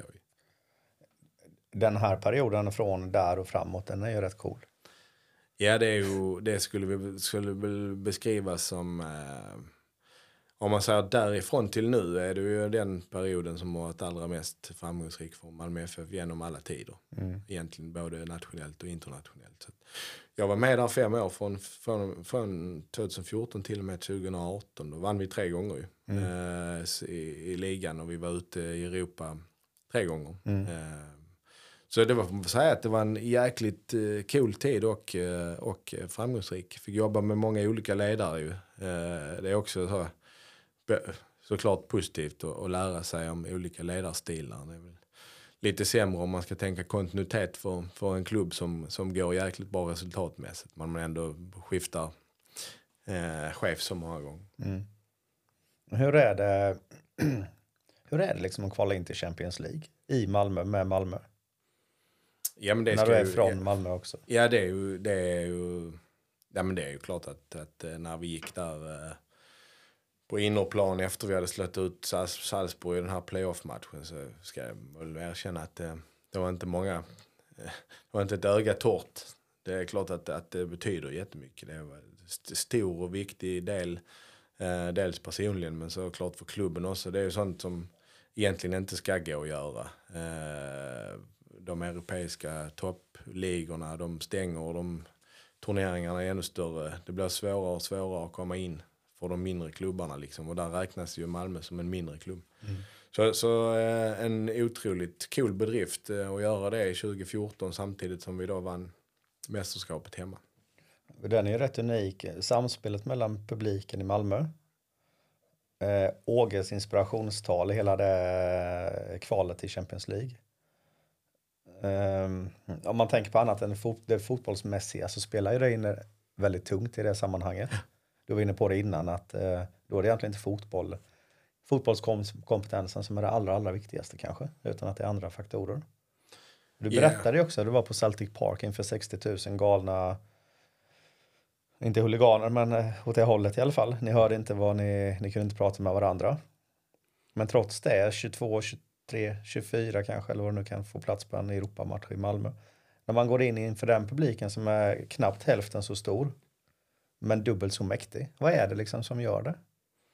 Ja, Men, alltså, det finns ju på de andra ställena i Europa också, men den lokal patriotismen och den, eh, den där eh, Malmö kaxigheten, den, den blir ju prövad hårt i de stunderna. Men det är också så man eh, ut eh, för stordåd liksom tillsammans. Det var ju inte bara de på planen och vi ledare utan det var ju alla som var där som, som eh, eh, fick det att bli möjligt. Eh, och liksom besegra jätten eh, i de här fallen. Liksom. Så att det, och, och, och då eh, som en extra krydda på det var från, från, från byn höll jag på att säga, men från området och, och känna den tillhörigheten och och, och, ja, men jag tror att de som, de som har varit med och upplevt de kvällarna, de har, de har känt att man har nästan varit med och spelat. Alltså det har, och varit eh, högst bidragande till att vi har haft den framgången. Eh, och där tycker jag att eh, Malmö med sin eh, mångfald och, och, och, och eh, alla möjliga sorters människor eh, blir verkligen starka i de, vid de tillfällena på ett väldigt fräckt sätt. Mm. Var han speciell Åge? Ja, person? mycket. mycket. Om du skulle ta ut en av dina bästa eller mest intressanta tränare som du hade, är han, tillhör han toppen? Då? Definitivt. Ja. Han är väl... I, i, alltså nu var det ju en period där det gick väldigt bra. Eh, Och man fick testa sig internationellt också. Då måste jag säga att eh, då var han bäst för mig i de, i de situationerna. Men det var ju... Det är ju ledarskap som, som eh, i många fall, i många delar är ju det som jag själv tycker är det bästa. Liksom, där man får ut max av sin omgivning och, och man kan man kan liksom pressa, pressa prestationen så högt det någonsin bara går så, så taket håller på att lyfta. Hur är man då som ledare? Ja, men alltså, dels i de här specifika situationerna där vi måste göra någonting utöver det vanliga eh, så, så, så behöver du ju ha en lite psykologisk ingång till det och, och, och skruva upp vår egen kapacitet över max och samtidigt skruva ner motståndarnas kapacitet lite grann. Eh, du måste, han var väldigt skicklig eh, i media och skapa den här hypen kring matchen. Eh, sen gäller det ju att eh, få ditt, eh, ditt manskap och dina kollegor att tro på det, att det här ska gå. Eh, där var han ju väldigt skicklig. Och i slutändan ska det packas, paketeras ner i någon form av eh, taktisk eh, struktur som man ska kunna genomföra. Och där fick han ofta rätt också. Så att det var en, en kombination av mycket, men, men ledarskap i att övertyga, övertyga oss att det omöjliga kan vara möjligt eh, och, och eh, få en att spränga gränser. Liksom. Det, det är kul tycker jag. Sen så i allt det, så i en fotbollstrupp, i en, ja, säkert någon annanstans också, så, så ko- finns det alltid folk som inte får vara med och spela. Som blir besvikna, som inte får vara med bland de 18, inte de som är, de som får sätta sig på läktaren. Och där eh, var, hade ju Åge ett jäkligt internationellt snitt. Eh, och där bryr man inte sig så mycket om dem som inte är bland de 18. Okej. Så att eh, där var han ju benhård, stenhård liksom. Och, och, och eh, i, en, i en kontext där man är mån om alla människor så, så eh, kan ju de ha blivit eh, lite sidosatta. Eller det blev de. Så att, men, men det är ju... Ser man till att eh, få dem att känna sig delaktiga på efter matchen, i träningen nästa dag så, så, så, eh, så är det bra. Han var ganska duktig på att fånga upp. Och sen så fanns ju jag med där i sidekick-rollen. Så där var jag också. Här spelade jag troligtvis en, en roll också. Där tog du hand om dem. Ja, jag tror det. Ja. Lite grann. Där var du den där städgumman. Ja, ja. Det Tyckte du att du hade en viktigare roll då än vad du hade sen? när- Var det Orösle som kom efter eller hur var det? Nej, det var ju, först var det en dansk, Allan Kuhn, och sen var det Magnus Persson och sen var det Rössler. Så där har ju min, min roll har ju skiftat rejält i, i de olika tränarskiftena. Och det, det är klart att, att eh, ju fler du är, eh, ju större eh, stab man är, eh, så, så, så ska ju ansvaret delas upp på fler. Och, och eh, till slut så var vi ganska många assisterande tränare och då, och då eh, tyckte väl kanske inte jag att det ansvaret jag fick var i paritet med vad jag själv var kompetensmässigt. Och då är det lätt att man blir lite demotiverad och man söker andra, andra möjligheter. Byggde Malmö ut organisationen då i takt med att pengarna från de pengarna ni spelade in med Åge Mm. gjorde att man kunde bygga organisationen. Hade ni, alltså var det fler tränare eller runt omkring som liksom eh, där din del som assisterande, att den blir mindre, om jag säger mindre betydelsefull i dina ögon, bidrog det till det eller? Mm, Ja, det, det, alltså, det, det var ju... Eh, staben ökade ju i storlek, i numerär. Eh, och jag vet inte, alltså det är klart att, eh, att ju fler du är desto större chans har du ju eh, att nå fler spelare. Såklart eh, i, i samtal och återkoppling. Och, men det kan ju också vara att det växer för fort och man hinner inte riktigt med de, de strukturella utmaningarna som blir när man blir många. Eh, jag ska inte säga att det var, det var inte det, men jag, jag tror jag hade en kombination av att, eh, att jag hade en dröm eh, 2000, när jag började som tränare, hade en dröm om att jag skulle stå som, som huvudtränare i Malmö FF. Eh, den blev ju, försvann ju längre och längre bort Ja. under, under, de, eh, under det sista året. Och, och jag tappade lite, jag tappade lite bort mig själv i mitt ledarskap för att vi var så många. Så att, eh, och, och det var egentligen den som är huvudtränare som fick driva det. Eh, De andra var på olika ställen i sina tränarkarriärer. Där tappade jag bort mig själv lite grann. Sen så är det väl nog en kombination av mycket som gjorde att jag, att jag såg upp mig 2018. ja, precis. Du sa upp dig, vad blir det, hösten 2018 denna gång? Precis, eh, hände jättemycket där på slutet. Eh, vi kvalificerade oss till Europa League-gruppspel och så tog vi oss vidare från gruppen i vår sista match nere i Istanbul mot Besiktas. Eh, så det var ju liksom lämna med flaggan i topp. Men dessförinnan så hade ju vår ordförande gått bort. Eh, bara någon vecka innan. Håkan Jeppsson. Det var ju känslostormar där som var, som var rätt tuffa. Det var inte någonting som påverkade mitt beslut. Jag hade landat i det lite tidigare. Men, eh, pratat om det och kommit fram till att det var rätt väg att gå. Men det var, jag skulle tro att det var i december 2018 som jag gjorde min Ja. sista match. Fredag den 25 januari 2019 tar Ingrid ett flyg från Kastrup till London med sina söner Johan och Jesper. Flightnumret är D8 2899. Klockan 13.30 kliver detta sällskap på ett annat flyg som går till Jamaica. När flight VS 0065 är 10 000 meter upp i luften plingar det till i din telefon, Olof. Och jag skickar ett eh, meddelande till dig på LinkedIn. Kommer du ihåg det?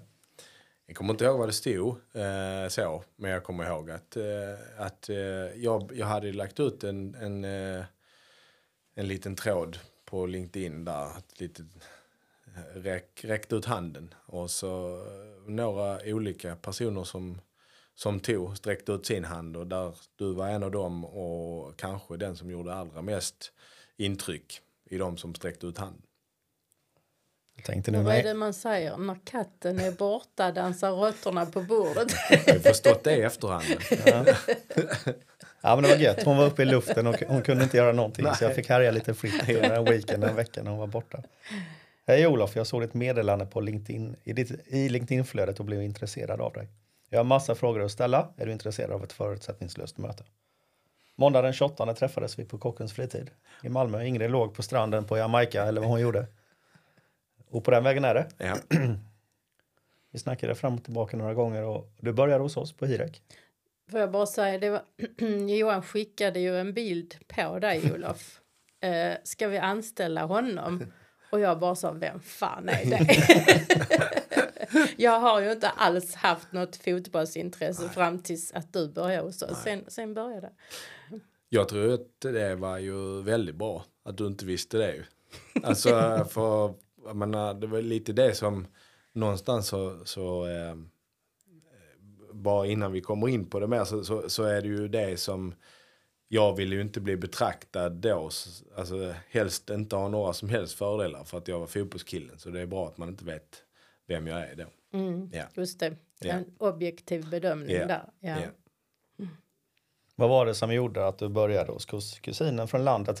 Det är ungefär det vi är bland rekryteringsföretagen i den stora rekryteringsvärlden. Eh, det var helhetspaketet. Eh, paketet. Eh, det personliga var en stor faktor. Eh, där jag fick ett superintryck från första början av dig Johan och Ingrid när jag träffade dig. Eh, det måste jag säga, det var det som övertygade mig mest. De, de andra intressenterna, det var ju också intressant på olika håll. Men antingen var det för stort eller så var det inte personligt nog. Eller så. Och där tyckte jag att ni hade hela konceptet. Och sen då när, när ni sa att ni skulle öppna ett kontor i Malmö så, så fall alla, alla bitarna på plats. Mm. Vi startar upp på Limhamn, Mm. rätt nära där du bor. Och eh, du var ansvarig för eh, verksamheten. Rekrytering, bemanning och konsultation. Hur var det att komma in i en helt ny bransch? Nu lämnar du egentligen idrottens värld helt och hållet. Alltså det var ju... Ja men... Det, ja, alltså, jättesvårt att beskriva så. Men, men jag tyckte ju att det var... Då tyckte jag det var skönt. Eh, att komma bort från eh, idrotten på det sättet. Jag hade ju bestämt mig för att jag ville testa någonting annat. Eh, jag, jag, det slog ju mig också att eh, i början så tyckte jag att Eh, snabbt jag kommer in i detta här. Det gick ju jättefriktionsfritt och vilken jäkla support jag har och vad de tror på mig. Och jag får boka ett möte och det kändes ju som att det gick som på tåget liksom. Det var ju en, en och, och, och eh, i de samtalen som vi hade så sa ni ju att ja men du känns självklar och det känns eh, rätt att du får liksom testa dina vingar och så här. Så det, det, det var väl någon form av smekmånad där som, som rullade på i ett jäkla tempo och det gick, det, jag tyckte det var skitroligt. Mm. Vi har ju varit i branschen i 15 år ungefär. För oss är det, det blir ju rätt lätt till slut när man kan det. Det är som att spela fotboll. Kan du spela fotboll så kan du spela fotboll. Kan du rekrytera och så kan du rekrytera. Men det är rätt allround en sån här tjänst egentligen som du hade. Dels är det ju en... Ja, du ska lära dig rekrytera med allt vad det innebär. Men det är mycket affärer omkring det. Det ska bokas möten, det ska göra kundbesök. Det är, kan du inte beskriva lite grann det komplexa i det för dig som kommer utifrån?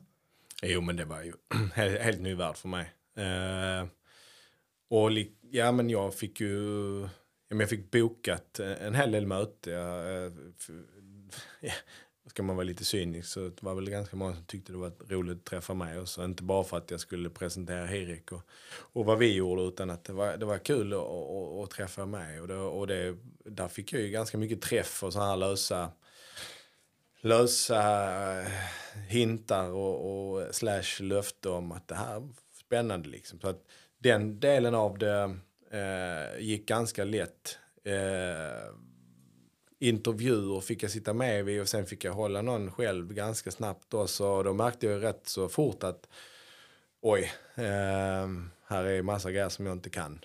Eh, och jag blev testad i, i eh, när jag får kommer jag ihåg, vi satt ute på Limhamn. Jag undrar om det var du eller Ingrid eller du Jön som satt där uppe och jag satt med en tjej eh, precis där vid entrén. Och vi pratade om, och hon ställde frågor. Ah, fan, nu får jag fråga, jag tror det var du Johan som var där. För, nu får jag fråga Johan för här har jag inget bra svar. Och när det blev för många gånger att jag behöver fråga.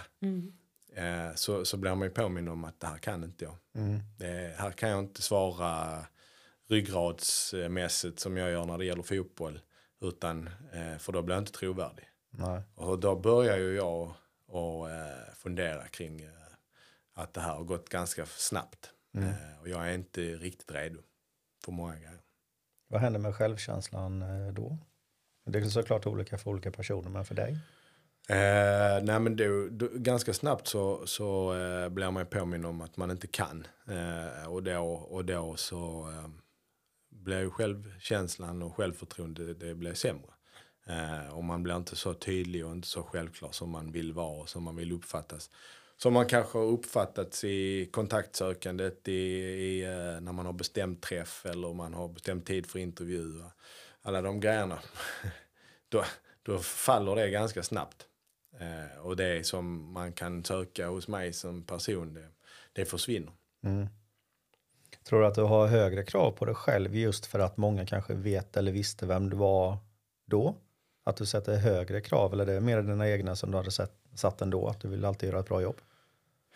En, ja, men alltså, I grund och botten så tror jag det är det. För jag var också rätt så fin med att eh, nu är jag inte fotbollskillen längre. Utan nu är jag rekryteraren eller Hirek, den Hirek-anställde Olof liksom. Och då, då ska jag ju vara bra på andra grejer. Eh, men det som finns i personligheten eh, och att man har en, en troligtvis en förmåga att, att verka stabil och lugn och kunna svara på frågor. Den, den, den är ju jobbig när den försvinner.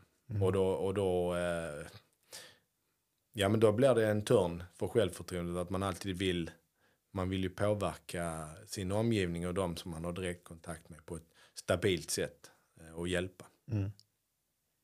Är det tufft att sitta ensam också? Vi startade upp ett par ytterligare kontor, men du var ju ensam i mångt och mycket också, så där kanske på, på dagarna. Eller mellan varven i alla fall. Jo, men den här, eh, och det är väl så om man skulle eh, göra om eh, hela det. Så det är klart att en, en onboarding-process där man är nära eh, under en längre period. Det är klart att det hade varit att föredra. Mm. för när du sitter i de här eh, situationerna där du behöver fråga eller där du behöver söka någon form av stöttning och det inte finns. Då är det ju, det skadar ju både en själv men även också Hirek egentligen.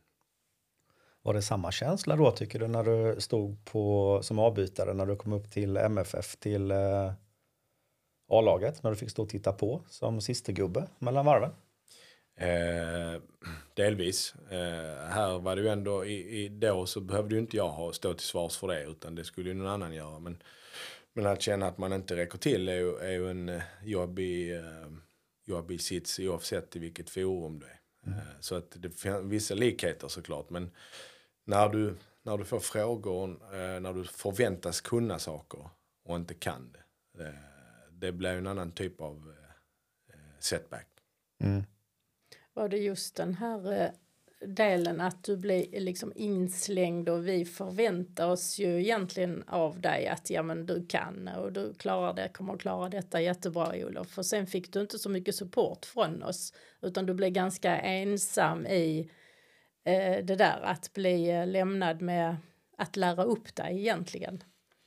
Jo men det kan, det kan alltså, Men jag tänker just förväntningarna att du hade, vi hade väldigt höga förväntningar på dig från början och sen infriades inte de enligt dig själv i alla fall. så kan det säkert vara. Eh, om man känner, dels, jag kände ju att ni satsade på mig. Ni, alltså, det är i alla fall min känsla och, och, och den var väldigt stark liksom att, eh, att jag inte riktigt lever upp till det då. Eh, är jobbigt ju. Eh, Så dels har jag ett ansvar f- gentemot eh, er och jag hade tagit ett stort beslut själv att lämna liksom när man tänker att mycket i det var ju att jag vill vara någon annan. Eh, lite grann, jag vill testa mina vingar och, det, och när man då inte kan leva upp till det så blir det ju det blir tufft. Eh, och så då inte ha någon nära till hands och, och bolla med i de, i de stunderna. Utan det fick vi göra när vi sågs och när vi pratade i telefon eller hur vi nu hade kontakten. Så, att, så det var ju, visst, visst eh, kände, kände jag en besvikelse att jag även eh, inte levde upp till de förväntningarna. Det var det ju. Sen, eh, du gick ju tillbaka till fotbollen.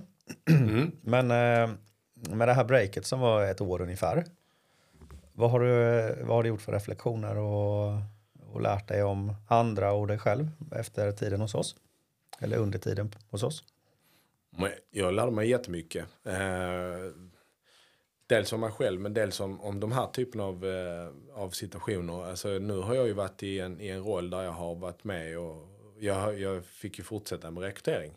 Jag har ju rekryterat fotbollstränare till LB07 i, i många fall. Liksom. Och även om inte det var fulltidsanställda i, i alla, i alla eh, fallen så, så hade jag ju mycket med mig därifrån. Ehm, så, så den är jag supertacksam för. Ehm, jag har också då i de situationerna försökt vara närvarande så länge som möjligt. När det kommer på en sån semiprofessionell nivå så, så kan det vara så här att man får sina nycklar och sina bollar i januari. Så ses vi i november och så pratar vi om nästa år. Liksom. Så den typen av, av kontakt och uppföljning. Och den förstod jag att efter, efter det jag var med om att eh, vi måste, jag måste vara med här länge jag ska vara med och finnas till hands hela tiden. Ju. Så tillgänglig där de kan, även om jag inte var där vid varenda träning, så, så kanske var tredje träning och, och så på matcher på, på, på eh, VO som vi hade filmat och stötta i, i, i eh, beslutsfattande frågor och så här. Liksom jag, jag försökte vara väldigt närvarande. Ja, det, och det lärde jag mig från, från tiden. Eh, rekryteringsfrågor som, som vi förmodligen aldrig ställer i fotbollskretsar annars fick jag med mig från, från Hirek. Så att, där man går in på det personliga i större, eh, som vi gjorde. Och som jag fastnade för er. Så att jag har tagit med mig det. Är inte det lite konstigt egentligen när man om Niklas Carlén och Daniel Andersson och Ola Toivonen och du är tillbaka nu Olof, vi ska snart gå in på det men varför lägger man inte mer tid på det som inte är fotboll inom eh, elitidrotten? Ändå liksom Champions League-nivå i många fall. Och människor, du har själv varit inne på det med Åges inspirationstal och det här gruppdynamiker som man bygger och så här. Varför tittar man så mycket på det fotbollstekniska och så i, vad jag upplever då mindre på det som kanske är minst lika viktigt egentligen? Tror du? Ja, alltså, nu tror jag att de, de gör inte det än så länge i den utsträckningen de bör, eh, tycker jag inte. Men jag tror att man bör ta lite mer hänsyn till det ändå. För, eh, man, man jobbar ju så jäkla nära varandra. Alltså det är ju inte bara det faktiska jobbet på planen utan det är all annan tid också som man ska vara ihop. Och, och där är personligheten så jäkla viktig att den, att den fungerar tillsammans. Mm. Men, men eh, jag har inget, inget eh, bra svar på varför man inte har gjort det. Jag kanske kan vara med och påverka lite grann. Nu kommer jag in i en annan roll nu när jag är tillbaka. Men, men eh, jag hoppas att jag blir långvarig i MFF och kan vara med och påverka lite i framtiden. Hur gick dina tankar då när du bestämde dig för att sluta hos oss? Ehm, Var det självklart för dig att gå tillbaka till fotbollen eller hur, liksom, hur, hur tänkte du där med lite eh, det här självförtroendet som hade fått sig en liten törn? Eh, nej men alltså. Det är lätt att man, man, man det, det, fotbollen var ju den enkla vägen. Att falla tillbaks på. Eh, men det handlar ju också om de här ryggradsbesluten som jag har så naturligt i fotbollen. Som jag inte hade i er bransch och i den bransch som jag var i då. Som var, och de var ju, alltså det, det blev eh, en säkerhet för mig att jag kunde göra det. Det var inte självklart att jag skulle. Men jag tänkte, som precis när jag slutade som spelare så tänkte jag att jag behöver ha någonting. Jag behöver göra någonting. Dels för att träna huvudet och vara igång men också så måste jag ha någon inkomst. Liksom. Ja. Så att då, då låg det närmare till hands och sen så visste jag inte för jag trodde ju ändå att jag var slut som, eller jag trodde kanske inte att jag var slut men jag kände ju att tränargrejen på det sättet som det var när jag tröttnade var inget för mig. Eh, så att då fick jag söka någon annan roll, någon koordinatorroll och det fick jag där i LB07. Så att, och då, då blev då, då föll ju vissa bitar på plats. Liksom. Så då fick du, när du hade den rollen också så kunde du se lite grann egentligen vilken väg du skulle ta framåt när du nu har gått in i en tränarroll igen. Ja, men jag tror den, den var också viktig för att känna liksom att vad kan jag göra mest nytta? Jag, jag vet att jag vill vara i fotbollsmiljön. Men vad, vem, vilken målgrupp och, och vilka är det som jag kan ha störst påverkansgrad på? Och det är ju på, på ungdomarna tror jag att jag har landat det liksom. Och då, då är den här 19-årstjänsten ganska bra. Vad är det som gör en att det, att det är där du känner att du hör hemma? I den målgruppen? Jag vet, alltså de här uh, yngre spelarna, de är ju mer mottagliga, de är mer intresserade av utveckling. Eh, man vill fortfarande göra resultat, både på kort och lång sikt, men, men man vill också bli bättre. Och då tror jag att man är mer, mer eh, intresserad av att träna mer, lyssna mer. och jag tror att där kan, där kan mitt sätt som jag är komma väl till pass. Eh, det finns ju en, de unga, nu ska jag inte generalisera för mycket, men de unga nya tränarna är väldigt inspirerade av de här fotbollsteoretikerna som är så här ska det vara, så här ska vi spela, så ska vi göra. Där man kanske glömmer lite grann av det, av det personliga. Och det hoppas jag kunna bidra lite. Det är det som är ditt gebit. Hoppas det. Tänk att du lyckades eh, få Ingrid fotbollsintresserad också. Ja, Olof, det är, det är helt och hållet din förtjänst. Hon reser mer än gärna Europa runt nu och tittar när eh, MFF spelar bortamatcher. Så vet, jag har sett henne i Wolfsburg, jag har sett henne i Berlin och jag har sett henne i Turin. Ja, jag trodde aldrig att jag skulle lämna handbollen till förmån för MFF, men det har jag nästan gjort faktiskt. Helt Ja, det är otroligt. roligt att vara Ja. med och bidra. Mm. Så är det. Jag har suttit och funderat lite grann Olof, men nu eh, när vi har lyssnat på din karriär och så. Eh, hur får man ihop familjelivet med eh, den typen av karriär du har? Mm. Det är en väldigt bra fråga. Det är inte, det är inte helt enkelt. Eh, eh, och det har väl inte jag lyckats heller med helt och hållet eftersom den, eh, den konstellationen som jag levde i när jag åkte till Danmark eh, eller först den som jag levde med när jag åkte till Österrike är inte samma som jag eh, fick mina två första barn med.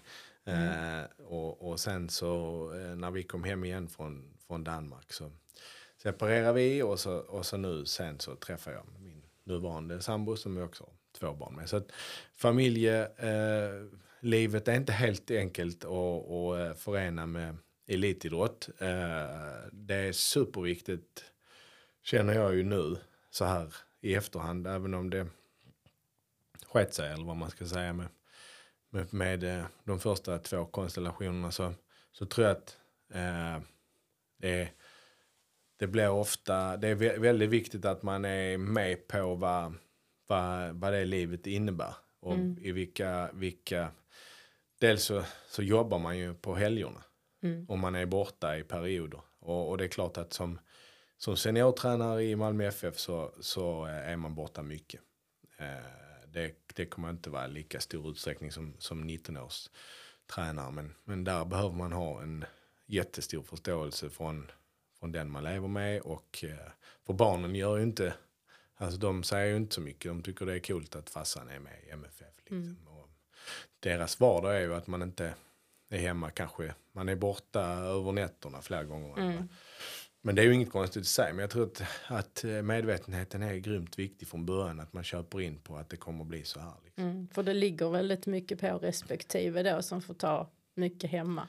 Ja, för att jag, jag alltså, som, som eh, elittränare så du är ju ledig ibland. Liksom. Men det är ju troligtvis när andra inte är lediga. Och din, din sambo, om, om hon eller han jobbar fulltid så är de ju oftast på jobbet då. Så man är inte lediga mitt i veckan tillsammans. Utan då, och, och barnen är ju stora så de är i skola och, och så. Så det, det, man är ju, blir ju lite själv då. Eh, Men då får man ju i så fall klara av andra grejer som behövs för att dra runt ett, ett hem. Eh, så att säga. Så att där, där krävs ju ett, ett, ett samspel. Men, men visst som du säger så blir det, det läggs mycket på, på den som är hemma de gångerna där man är borta och ute och reser.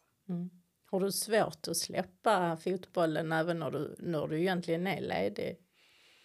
Alltså man, får ju, man kan konstatera att det är ju det är som ert livsverk. Alltså, Hirek finns väl med er 24 timmar, tänker jag. Eh, nej, men, men, men i en huvudtränarroll så bär man med sig det mer. Då är det nog svårare att släppa. Eh, jag har bestämt mig nu för att eh, när jag är hemma så är jag hemma. Visst, och det kommer finnas undantag. Men du, du, jag tror den, den eh, eh, pausen och den reflektionstiden måste, måste få finnas för annars så blir man inte ofta långvarig i den branschen utan då tröttnar man och så bränner man sig. Det, f- när jag gick min utbildning så, så blev vi ju rätt bryskt påminda om att utbrändhet eh, är ju ett vanligt tillstånd för elittränare. Så där. Vad är det som gör det då? Jag tror man släpper aldrig det. Alltså, du lever med, med den eh, stressen slash pressen alltid. Eh, hela tiden är nästa match, nästa träning. Och det ligger ju, den är jätteviktig att, att kunna hantera och få, dels få hjälp med och sen så kunna slå av och, och eh, för annars är du inte närvarande någon annanstans än i fotboll. Liksom. Det, det kunde jag ju märka den tiden där det var jobbet eh, när jag slutade. Att, eh, då, hade, då, var vi, det var 2018, då var minsta tjejen liten. Alltså, eh, och då blir det mycket som lades på, på min sambo som jag gärna skulle vilja hjälpa till med. Och man blir frånvarande själv. När man väl är hemma så är man kanske påverkad av en, av en träningsepisod eller en match som inte har gått som man vill. Liksom. Så finns den där och gn- och gnager och man har lätt till att bli frustrerad och förbannad. Så, Mm. så det, det är viktigt med paus och, och reflektion. Så då får vi, eh, då hör Sofie detta också nu så att hon vet att du är duktig på att koppla av när du väl är hemma. Jo, det ska jag vara ju. Och sen så får hon säga till mig att jag, nu får du fan inte mig eh, lägga från dig datan eller telefonen. Precis. Ja. Jag har en fråga, Olof. ja, Du får inte tänka för länge. nej. Gräs eller guld? Eh, guld. Olof, stort tack för att du ville vara med här hos oss i Studio Hirek och hoppas vi ses snart igen. God jul på dig! God jul och tack själv. Och det gör vi säkerligen. Vi ses på stadion. Det gör vi. Tjena! Tjena, Olof. Tjena Olof! Tjena, det var länge sedan. Ja, det var det. Väldigt trevligt att se hur ni har det. Och vi hade ju så trevligt och så mycket att prata om så alltid glömmer man något. Ja, ja, det blir ju spännande att att höra vad det kan vara för något kul. Mm. Ja. Olof, om vi räknade rätt så har du tre SM-guld som eh, assisterande tränare. Du har ett SM-guld som spelare. Du har ett eh, österrikiskt mästerskap och du har ett SM-guld i femmanna inomhusfotboll. Ja. Men det är någonting som din pappa har som du inte har. ja, ja, ja, det var det. Ja, han har ju VM-guld. Ja. Mm. VM-guld. Han har VM-guld. Det, det, eh, det, alltså, det ska man absolut eh, respektera. Det är ju gå-fotboll. Eh, det kanske man också ska lägga till, men det är ändå ett VM-guld. Jag vet veteranklassen, eller hur var det? Ja, det är för 70 plus. Jag tror inte de har något tak uppåt, så det är över 70 år ska man vara för att kvala in i den klassen. Ja. När var det han tog det här VM-guldet, din far? Det var ju så sent som, ska vi säga, det var ju inte, det var 2022. Mm. Retar han dig för att han har ett VM-guld och, och du har inget? Nej, nej det gör han inte. Han är väldigt, eh, han är väldigt kvick och, och berättade för, eh, för nya bekantskaper, det är han. Men han, eh, han väver inte med i de diskussionerna utan där står han helt på egna ben. Han, du- har, han har inte försökt att värva dig till gå-fotbollen heller.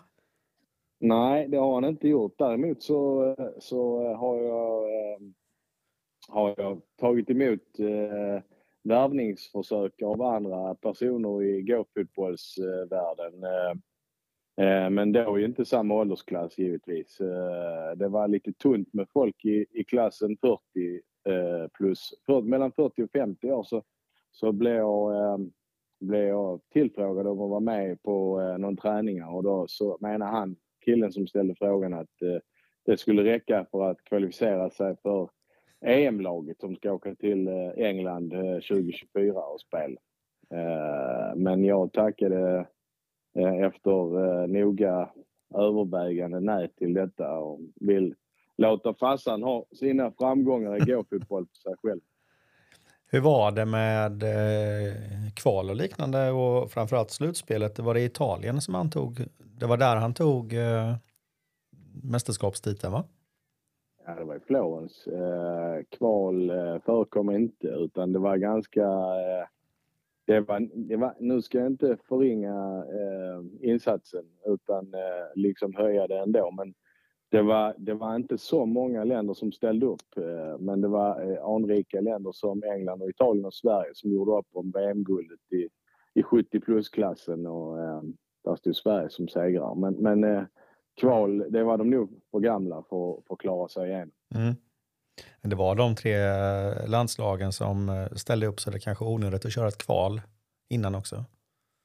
Jag skulle tro det. Jag har ju sett, de hade faktiskt någon form av för eh, turnering där faktiskt Norge och Danmark eh, var med och, och spelade. Då hade de, var de uppe i, i eh, Skövde tror jag. Då vann Sverige ganska enkelt sina matcher. Så Ja, okej. Ja. Norge, och Danmark, Norge och Danmark brydde nog inte sig om att åka till VM.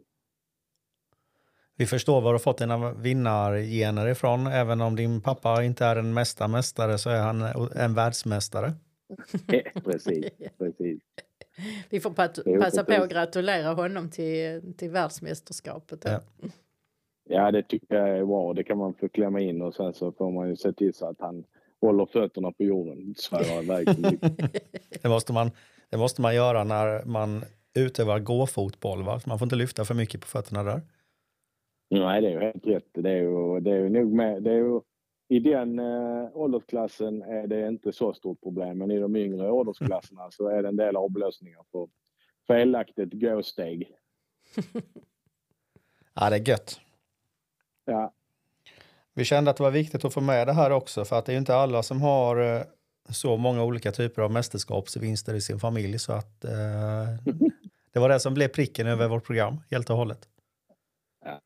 ja men det är bra. Det är för, vad han, nej, man kan väl, eh, nu har inte, inte Mussan lyfts fram, men hon har väl eh, haft eh, världsrekord eller borde få VM-guld för eh, uppbackning och support till oss andra i fotbollsfamiljen. Precis. Utan henne så hade ni inte vunnit några mästerskap, någon av er kanske.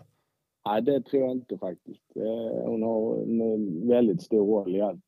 Precis som eh, de andra i familjen som eh, inte har kommit eh, dit än. Så de tävlar i i andra mästerskap. Men, men eh, alla har en jäkla stor och viktiga roller i det.